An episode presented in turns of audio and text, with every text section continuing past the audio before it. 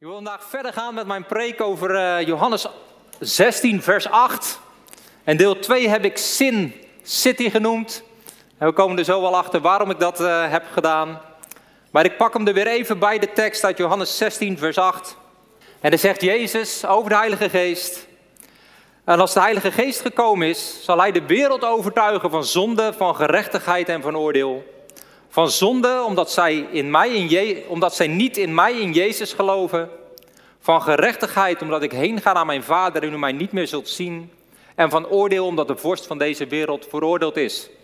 En de tweede keer dat ik sprak, hebben we gekeken van gerechtigheid, omdat ik heen ga naar mijn Vader en u mij niet meer zult zien. dat Jezus gerechtigheid heeft gebracht, dat hij zijn bloed heeft gebracht in de tempel in de hemel. En vandaag wil ik gaan spreken over van zonde, omdat ze in mij niet geloven. En ik wil dat doen naar aanleiding van drie punten. En de eerste is, wat is zonde? De tweede is, wat is nu de zonde waar de Heilige Geest van getuigt? En ten derde, hoe overwin ik zonde? En voordat ik erin duik, wil ik eerst even één punt duidelijk maken. Ik zag al wat mensen net die nieuw waren. Uh, het is niet zo dat ik eens even hier duidelijk ga maken dat wat er allemaal fout is met de wereld en hoe zondig de wereld wel niet is. Uh, dat is helemaal mijn opdracht niet als spreker. Het is juist dat God zo van de wereld houdt dat hij een oplossing heeft gebracht voor de zonde. En dat is de boodschap die ik ben geroepen om te brengen. Dat God zelf het zondeprobleem heeft opgelost. Dus als je hier bent, relaxed, je zal ervaren dat God een goede God is. En als we gaan kijken naar wat is zonde, dan wil ik kijken naar de eerste tekst waar het woord zonde wordt genoemd. En dat vinden we in Genesis 4. Eh, en Genesis begint met de schepping van de mens. En als Adam en Eva zijn geschapen, dan gaat het op een gegeven moment fout in het Hof van Eden. Ze hebben de boom des levens, waar ze van kunnen eten, en de boom van kennis van goed en kwaad. En er is een opdracht, daar moeten ze niet van eten. Ze doen dat toch. Er zijn gevolgen en uiteindelijk worden ze uit het Hof van Eden geplaatst. En zorgt God dat ze daar niet terug kunnen komen, omdat ze in deze staat waarvan, waarbij ze hebben gegeten van de boom van kennis en goed en kwaad, God niet wil dat ze ook eten van de boom des levens en eeuwig leven zouden hebben in die kennis, in eigenlijk de wereld waarin wij leven. We zien dat ze dat hof uitgaan en dan staat er dat ze gemeenschap hebben en ze krijgen twee zonen, eerst Kain en die wordt boer en dan Abel en die wordt herder. En dan lezen we vervolgens in vers 3 van hoofdstuk 4. En het gebeurde na verloop van dagen dat Kaan van de opbrengst van de aardbodem aan de Heer een offer bracht. Ook Abel bracht een offer van de eerstgeborene van zijn kleinvee en van hun vet. De Heere nu sloeg acht op Abel en op zijn offer, maar op Kaan en op zijn offer sloeg hij geen acht. Toen ontstak Kaan in grote woede en liet hij zijn hoofd zakken. En de Heere zei tegen Kain, waarom bent u in woede ontstoken en waarom heeft u uw hoofd laten zakken? Is het niet zo dat u, als u het goede doet, uw hoofd kunt opheffen? Maar als u niet het goede doet, ligt de zonde aan de deur. Naar u gaat zijn begeerte uit, maar u moet over hem heersen. En Kaan sprak met zijn broer Abel. En het gebeurde toen ze op het veld waren, dat Kaan zijn broer Abel aanviel en hem doodde. Nou, het gaat al snel fout. En als we kijken naar die zonde, dan kan je gelijk kijken naar dat hij zijn broer Abel vermoordt, maar het probleem ligt daarvoor al. Het probleem ligt daar dat Kain het niet eens is met God. En dat is precies wat het gevolg is van het eten van die boom van kennis van goed en kwaad. En het probleem nog steeds van ons als mensen, ons grootste probleem, is dat wij het beter denken te weten dan God. Kaan heeft eigenlijk zoiets van ja, God, u kan mijn offer wel niet accepteren, maar ik vind dat u het wel moet accepteren. En God is zo liefdevol. God confronteert me en zegt, Kain, kom nou, heft je hoofd weer omhoog. Kom nou in die relatie met mij, want als je dat niet doet, dan ligt die zonde op de loer waar je juist over bent bestemd om te heersen. Nou, Kaan luistert niet naar God en vermoordt uiteindelijk zijn broer Abel. Dus wat zien we? Waar zit de wortel van zonde? Zit bij die verstoorde relatie met God. En dat is een heel groot probleem bij ons in de mensheid ook. Dat als we kijken naar moraliteit en we steeds meer nu godsdienst loslaten, willen we eigenlijk steeds meer met elkaar gaan bepalen wat goed is en wat kwaad is. En voor het eerst in de geschiedenis van de mensheid wordt dat enorm lastig. Want altijd was er wel iemand, hè, of het was de islamgodsdienst, of het jodendom, of het christendom, of het hindoeïsme, of het boeddhisme. Maar er was iets wat zei wat de regels waren van wat goed en fout was. Maar nu zeggen we met elkaar, ja, er is niet één iemand, één God, meer die dat kan of mag bepalen. En opeens moeten we het met elkaar gaan bepalen. En dan kan ik bijvoorbeeld zeggen, racisme is echt is fout. Is fout. En iemand anders zegt, ja, ik vind dat racisme goed is, ik moet dat gewoon kunnen doen. Nou, en in Nederland zeggen we allemaal, we moeten elkaar tolereren. Dus het houdt in dat als ik voel dat het niet mag, ik het niet mag doen. Maar als jij voelt dat het wel mag, jij het wel zou moeten doen. Dat is onmogelijk. En diep van binnen voelen we allemaal van ja, nee, nee, nee, nee, nee. Er zijn een aantal dingen die zijn wel echt fout. Ja, op basis waarvan? Niet op basis van wat de meerderheid vindt.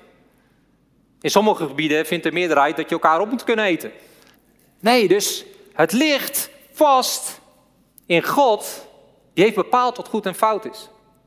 En op het moment dat we dat loslaten, op het moment dat we in die verstoorde relatie met, met God komen, en niet meer die relatie hebben waarin dat onderscheiden wordt, waar dat er scheidslijn is, komen we met elkaar in een enorm probleem met betrekking tot moraliteit, maar dus ook met zonde. En verleden keer toen ik het over gerechtigheid had, hebben we ook gekeken wanneer gerechtigheid voor het eerst in de Bijbel voorkwam. En dat was bij Noach en er stond, en hij wandelde met God. Dus de eerste keer dat zonde voorkomt, heeft het te maken met een verstoorde relatie met God. De eerste keer dat gerechtigheid, wat het tegenovergestelde is van zonde. je hebt zondaar en gerechtvaardige, en dat zet de Bijbel telkens tegenover elkaar. De eerste keer dat gerechtvaardig voorkomt, heeft te maken met een relatie met God.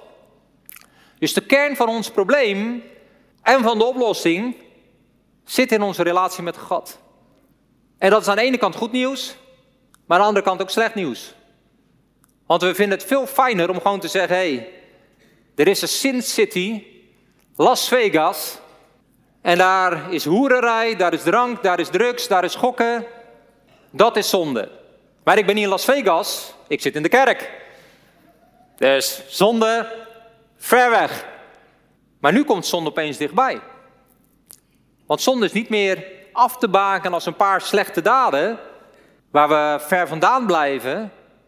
Maar het heeft opeens te maken met ons hart en met onze relatie met God. En de definitie van zonde, mag ook op de beamer, is de poging een identiteit te vestigen door iets anders dan je relatie met God centraal te stellen voor je betekenis, je zin, je doel en je geluk. Nou, dat gaat veel dieper dan een paar strafbare feiten of morele verplichtingen. Het heeft opeens te maken met onze identiteit. En hier zijn we allemaal vatbaar voor. Want hè, de Bijbel roept op om van je vrouw te houden, om van je kinderen te houden. Maar op het moment dat dat het ultieme wordt, waar jij je geluk vandaan haalt, en dat je dus ongelukkig bent op het moment dat het niet goed gaat, dan ben je eigenlijk aan het zondigen. Want opeens zit je identiteit niet meer in God, maar zit in die ander. En ik, ik weet nog wel, in onze verkering was ik zo hoog op de boter van Daphne, dat mijn identiteit veel meer bepaald werd of dat zij wel of niet naar me keek, dan hoe God over me dacht. Nou, gelukkig ben ik daar snel wel van teruggekomen, want ik werd er erg ongelukkig van. Dat is nog een ijskonijn. Inmiddels niet meer, toen ik er helemaal had veroverd. Weet ze wat ik nodig heb. Maar nog steeds is het belangrijk dat mijn geluk er niet vanaf gaat hangen. dan zijn er fases dat ik heel gelukkig kan zijn, maar dan zijn er ook periodes dat ik heel ongelukkig zal zijn. En zo is dat met alles in ons leven. Op het moment dat je werk het ultieme wordt waar je voor leeft, dan is het eigenlijk een zonde geworden. Op het moment dat je vanuit je relatie met God de dingen doet, dan is het geen zonde. Dus het is opeens niet meer zo zwart-wit. Augustinus heeft gezegd, als er een God is die jou heeft geschapen, kunnen de diepste kamers van je ziel eenvoudigweg niet worden vervuld met iets dat minder is dan God zelf. En daar lopen we allemaal tegenaan. Daar loopt heel de mensheid tegenaan. Iedereen is druk bezig om de diepste kamers van zijn hart te vervullen. Maar zodra dat iets anders is dan God zelf, zit je in zonde. En nogmaals, zonde is dus niet iets waar we God continu zeggen: Oh, kijk uit, zondaar, oh, jij bent een zondaar. Nee, het is een probleem waar we mee worstelen, waar God ons wil helpen, omdat Hij ons heeft gemaakt en ook weet dat niets anders dan Hemzelf ons echt kan vervullen. En in de situatie waarin we wanhopig weigeren om onze diepste identiteit te vinden in onze relatie met God en in onze dienst aan God en de kamers van ons hart gaan vervullen met iets of iemand anders, dan zijn we aan het zondigen. Dus wat is zonde? Zonde is niet je diepste vervulling, je diepste doel, je diepste geluk vinden in je relatie met God, maar in andere dingen. En dat is denk ik iets waar we allemaal mee te kampen hebben. En daarom is zonde denk ik goed om over te spreken, omdat het ons leven belemmert en God juist alles heeft gegeven om het voor ons dat probleem op te lossen. En daarom wil ik ook verder gaan naar punt 2. Laten we hier niet te lang blijven hangen. Wat is de zonde waar de Heilige Geest van getuigt? En we zien dat er staat dat hij overtuigt van zonde omdat ze in mij niet geloven. Dus opeens wordt zonde weer heel specifiek. En om dat te begrijpen, moeten we eerst even uiteenzetten, waarom zijn wij nou zondig? Er zijn twee manieren om het te bekijken. Je kan zeggen, je doet zondige daden en daarom ben je zondig. Of je zegt, je bent een zondaar en daarom zondig je. Snap je het verschil? Dus of wat je doet bepaalt uiteindelijk wat je bent, of je bent iets en daarom doe je bepaalde dingen. Nou, stel dat de Bijbel zegt dat omdat wij zondige dingen doen, we zondaren zijn, dan is de oplossing rechtvaardige dingen doen, want dan word je rechtvaardig.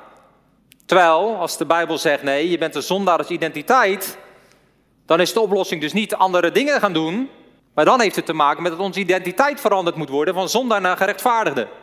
Waar ligt het probleem? dit is dus meer dan een kip-en-ei verhaal, want de oplossing zit dus of in identiteitsverandering of in gedragsverandering. Als onze daden, rechtvaardige daden, ons rechtvaardig zouden kunnen maken, dan zou dat de opdracht van de Bijbel zijn. Op het moment dat het probleem dieper is, heeft het helemaal geen nut om allemaal rechtvaardige dingen te gaan doen, want er verandert niks mee. Dat is eigenlijk hetzelfde als dat je zegt van nou, ik heb een mooi grasveld en dat ga ik maaien en dan verwacht ik dat er graan uitkomt. Nou, je kan maaien tot je in ons weegt, maar er zal telkens weer gras naar boven komen.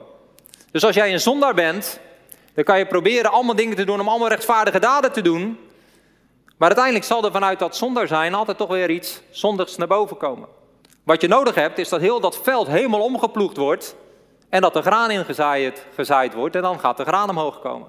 Dus als ons probleem is dat we zondaren zijn, dan moet dat totaal op zijn kop omgeploegd worden en er moet de rechtvaardigheid in geplant worden op basis waarvan de rechtvaardige daden gaan komen. Nou, de Bijbel is er heel erg duidelijk over waar de kern van het probleem is. En dat lezen we in Romeinen 5 van vers, vanaf vers 18. Vers 18 en 19 wil ik even lezen. Daar zegt de Bijbel, zoals dus door één overtreding, en dat is de overtreding van Adam, de veroordeling gekomen is over alle mensen tot verdoemenis, zo komt ook door één rechtvaardigheid, de rechtvaardigheid van Jezus, de genade over alle mensen tot rechtvaardiging van het leven.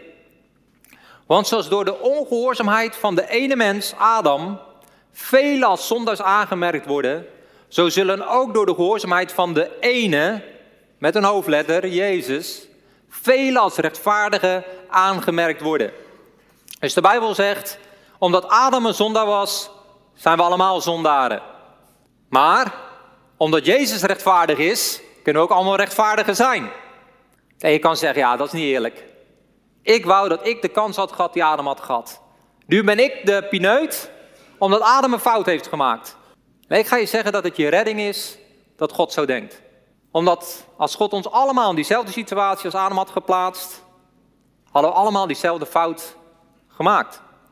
Als God weer zo zou kijken en ons allemaal weer die eigen verantwoording geven, en het zou allemaal om onze daden gaan, wat dus zou betekenen dat niemand van ons ooit maar ook één zonde zou mogen doen, want op dat moment is het klaar, dan zouden we allemaal de boot hebben gemist. En misschien ben jij hier en denk je van, nou Maart, misschien iedereen, maar ik niet. Nou, dan was jij misschien de enige in de hemel en had je een heel feest voor de eeuwigheid in je eentje kunnen hebben. Wees in ieder geval blij dat God het voor de anderen heeft gedaan. Want omdat het probleem in Adam is, is de oplossing in Jezus. Omdat er dus blijkbaar niet gekeken wordt naar de daden, maar naar de identiteit. En rechtvaardige daden ons geen zondaar of uh, ons niet rechtvaardig maken, kunnen als we eenmaal rechtvaardig gemaakt zijn, onze zondige daden ons geen zondaar maken. En dat is goed nieuws. En daarom heet het evangelie een blijde boodschap. Waarom? Omdat er rechtvaardigheid is door wat Jezus heeft gedaan. Dus je hoeft niet langer te kijken naar, doe ik het goede, doe ik het kwade.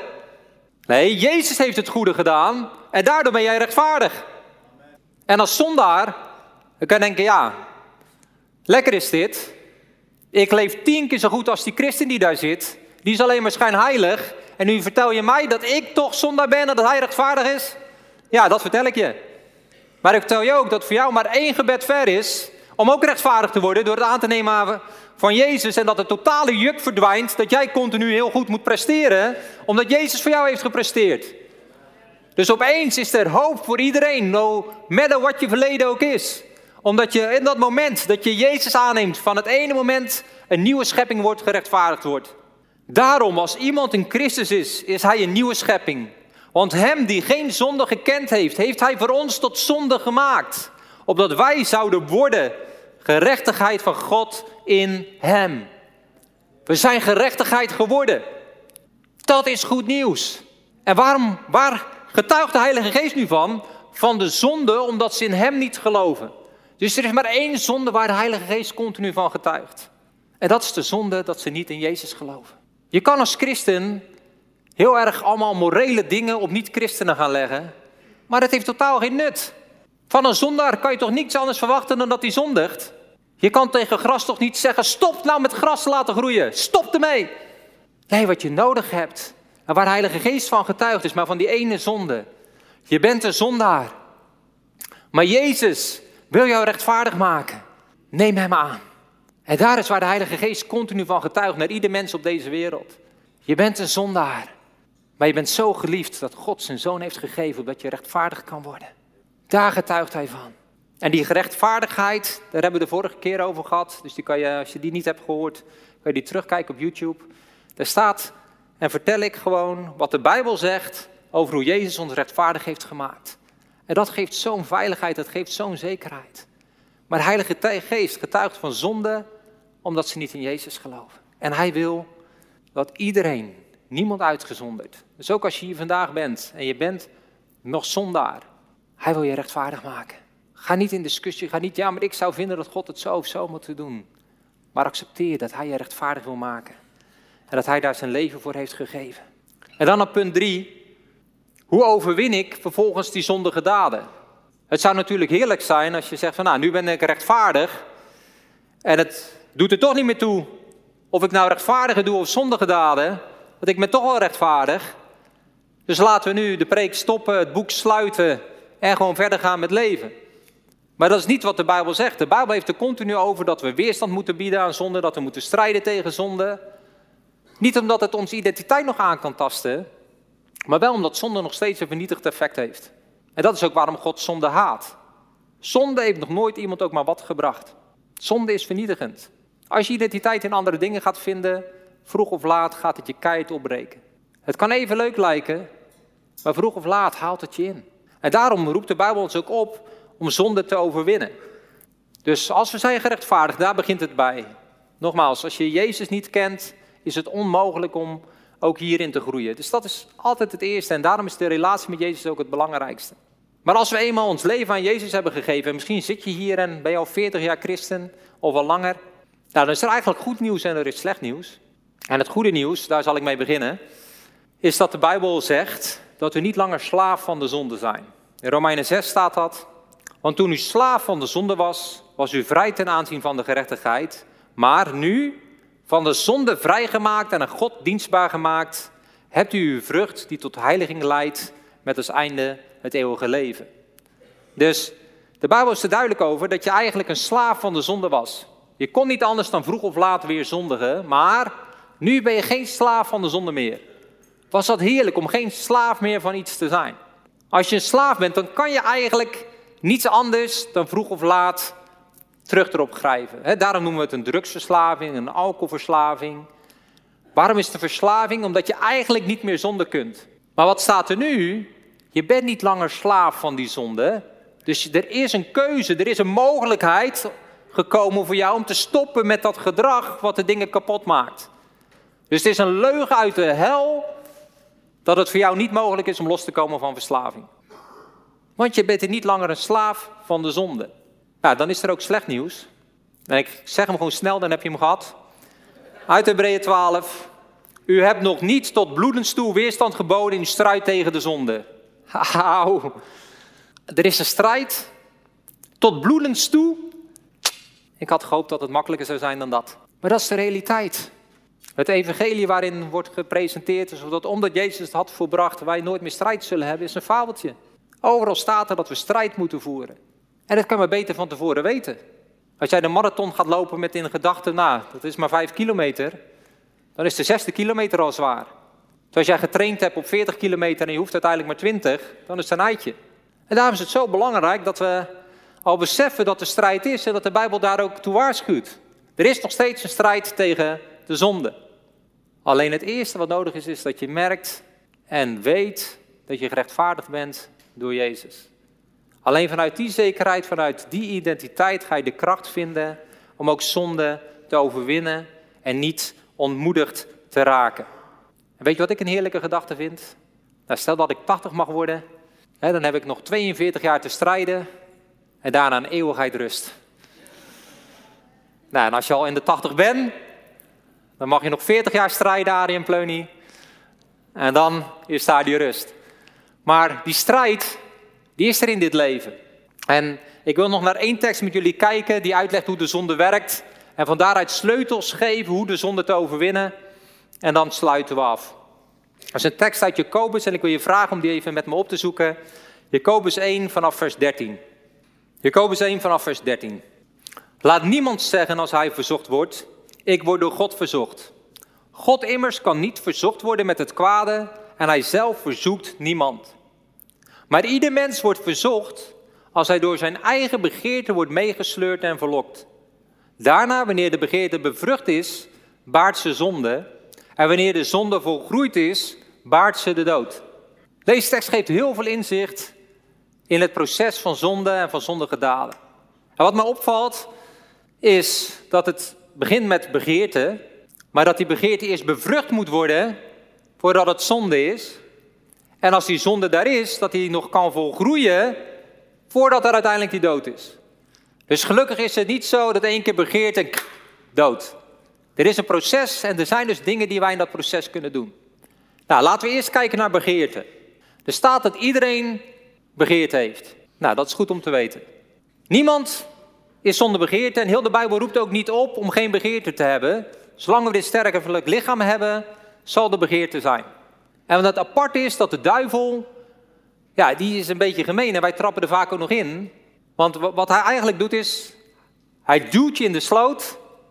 En volgens als je eruit komt, gaat hij je aanklagen en beschuldigen dat je nat bent. Ja, kijk, als je zelf in die sloot springt, dan heb je nog ergens schuld aan. Maar op het moment dat je erin wordt geduwd, kan je er niks aan doen. En toch is de duivel er als de kip bij, als daar dus begeerte is, om je gelijk te veroordelen, aanklacht, schuld, schaamte. Dat daar die gedachte is, dat daar dat moment is, dat daar die verleiding is. Terwijl de Bijbel is er duidelijk over dat we daar allemaal mee te maken hebben. Het is alleen de vraag, wat doen we ermee? En ik las eh, van de week weer op nu.nl. Er was uh, een uh, bekende Nederlander en die was vreemd gegaan terwijl zijn vrouw zwanger was. Dat is natuurlijk ook best wel moeilijk om door zo'n periode heen te gaan als je al die begeerte hebt. En de reacties eronder is dan altijd wel leuk om te lezen, maar dat is een reactie die ik de laatste jaren al vaker tegenkom. En dat was, ja, maar de mens is niet monogaam gemaakt. Ja, als we zo begeerte op gaan lossen, dan kan dus gewoon alles omdat we het begeren. Nee, er is daar begeerte, maar het feit dat daar begeerte is, betekent niet dat dat dus goed is. En de Bijbel zegt dus, er is daar die begeerte, maar vervolgens kan je een keus maken.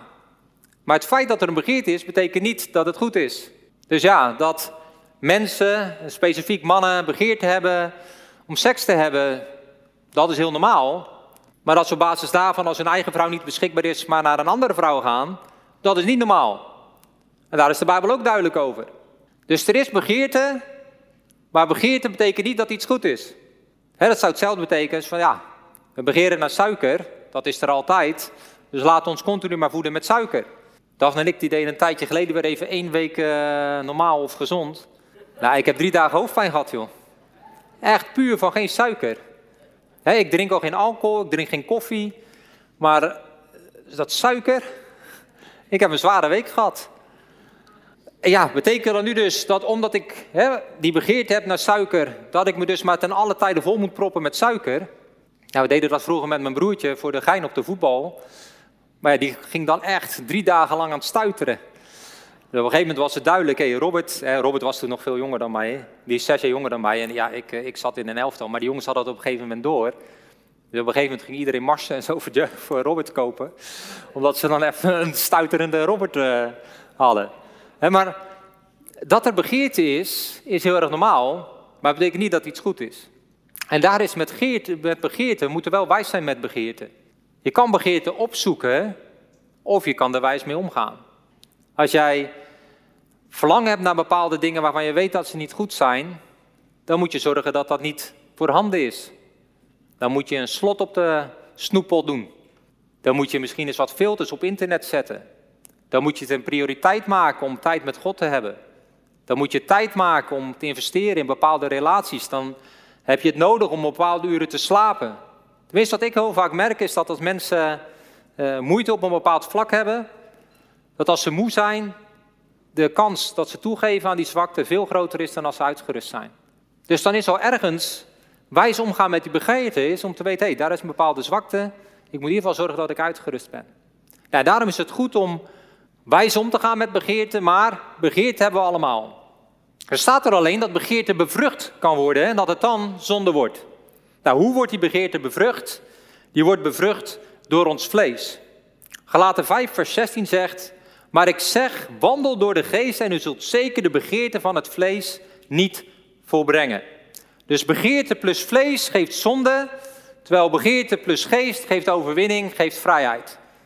En daarom zijn we geroepen om door de geest te leven. Galaten 6, vers 7 en 8 zegt: Dwaal niet, God laat niet met zich spotten. Nou, waarom zegt de Bijbel dat zo duidelijk? Om even de enorme genadevolle christenen ervan te overtuigen dat het feit dat God van je houdt, dat Hij door zijn zoon alles voor je heeft betaald, niet inhoudt dat er geen negatieve gevolgen meer zijn van domme keuzes die je maakt. Want, staat er, indien de mens zaait, zal hij ook oogsten. De wet, of je nou zondaar bent of rechtvaardige, nog steeds is het zo, als jij in je vlees zaait, ga je verderf oogsten. Dan kan je de meest charismatische christen zijn die er is, alsnog zal dat het effect zijn van in je vlees zaaien. Want wie in zijn eigen vlees zaait, zal uit zijn vlees verderf oogsten, maar wie in de geest zaait, zal uit de geest het eeuwige leven oogsten. We zijn dus niet opeens immuun geworden voor zonde. We hebben nog steeds de opdracht, juist de opdracht als rechtvaardigen, om ook in onze geest te zaaien en niet in onze vlees te zaaien. Dus op het moment dat daar begeerd is en er is verleiding, daar hebben we allemaal mee te maken, dan hebben we of een keuze, we gaan daar in ons vlees mee om. We denken, nou, dit is iets wat we buiten onze relatie met God houden. Dit doen we zelf wel, dit zoeken we zelf wel uit. We zoeken een beetje het grensje op. En uiteindelijk geven we toe en we baren zonde. Of we gaan met die begeerte open naar God. Zeg ja, Heer, ik verlang nu zo naar dit. En dit komt zo op me af, maar ik weet niet dat het is wat u voor me heeft. Mijn vrouw is zwanger en ik kan niet met de vrijen, maar ik heb enorm behoefte aan seks. Wat moet ik nu? Nou, dan zou de geest niet zeggen, kijk een deur verder. Maar die zou je de kracht geven om zelfbeheersing, een vrucht van de geest, te oefenen. En daardoor groei je als persoon. Nou, zo zal het met alles zijn dat je als je de dingen open met God bespreekt, en daarin wil de duivel dat ook als eerste roven, je zal merken dat niet zonde toeneemt in je leven, maar de rechtvaardigheid toeneemt in je leven. Alleen elke keer heb je die uitdaging om niet in schaamte het te verstoppen, maar in openheid het met God te bespreken en met anderen te bespreken. God is een goede God. God is een liefdevolle Vader. En Hij wil je helpen met alles. God heeft alles al eens meegemaakt. God heeft alles al gezien. Dat is, heel, dat is het aparte. Hè? We willen dingen niet met God bespreken. Waarom niet? Hij weet het toch al. Waar zijn we bang voor? Hij weet het al. Is toch heel dom om in een relatie iets niet te bespreken, terwijl je weet dat de ander het al weet. En juist dat zorgt dat de dingen goed blijven. Hey, in mijn relatie met Daphne, wij zijn nu 15 jaar getrouwd. Ik geloof niet dat je morgen dan opeens zomaar vreemd gaat. Wat ik wel geloof is dat onze relatie eh, ja, onderhevig is aan invloeden en dat het kan zijn dat onze relatie minder gaat.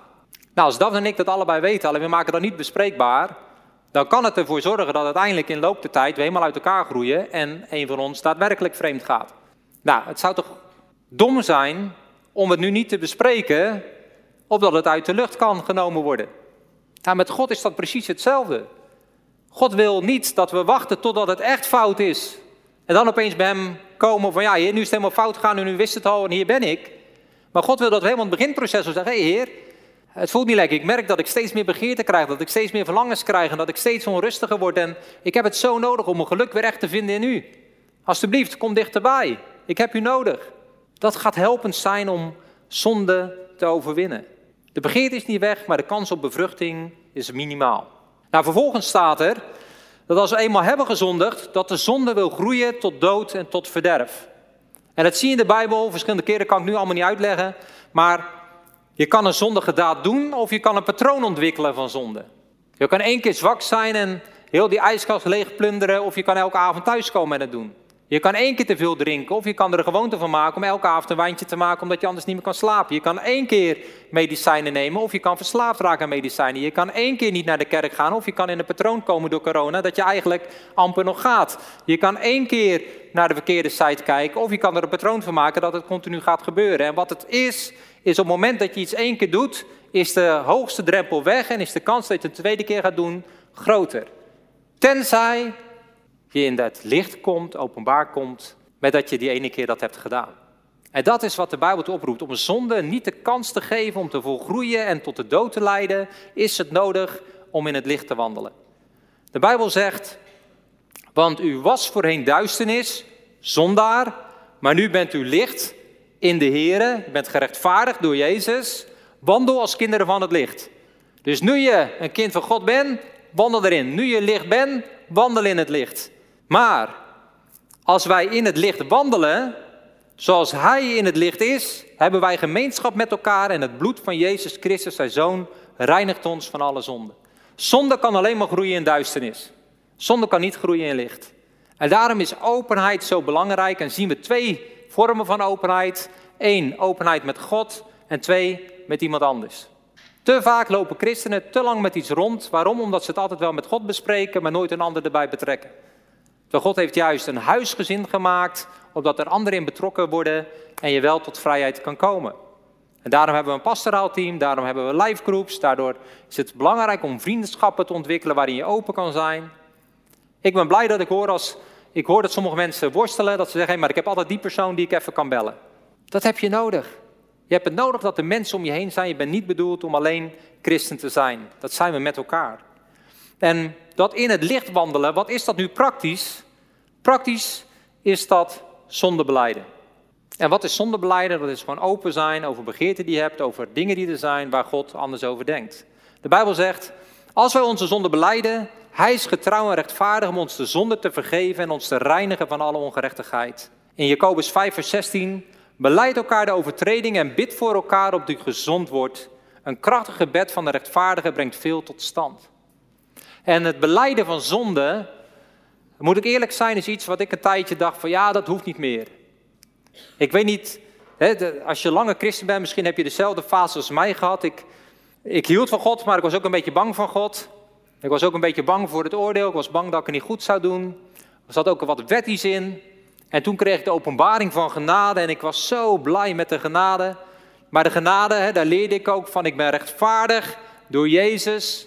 En niet door de daden die ik doe. Dus was de conclusie een beetje eigenlijk ook. En dus zonder blijde is ook helemaal niet meer nodig. Waarom? Omdat in het oude systeem was ik bang dat als ik iets niet beleed, ik opeens niet meer naar de hemel, maar naar de hel zou gaan. Ja, hoe bevrijdend is het dan om te horen dat ik niet al die zonden allemaal hoef te beleiden en er misschien één mis en anders de hemel mis, maar dat ik gerechtvaardigd ben in Jezus en dat ik zekerheid heb van die eeuwigheid. Dus de motivatie om zonde te beleiden, om gered te worden, ja, die is onbijbels.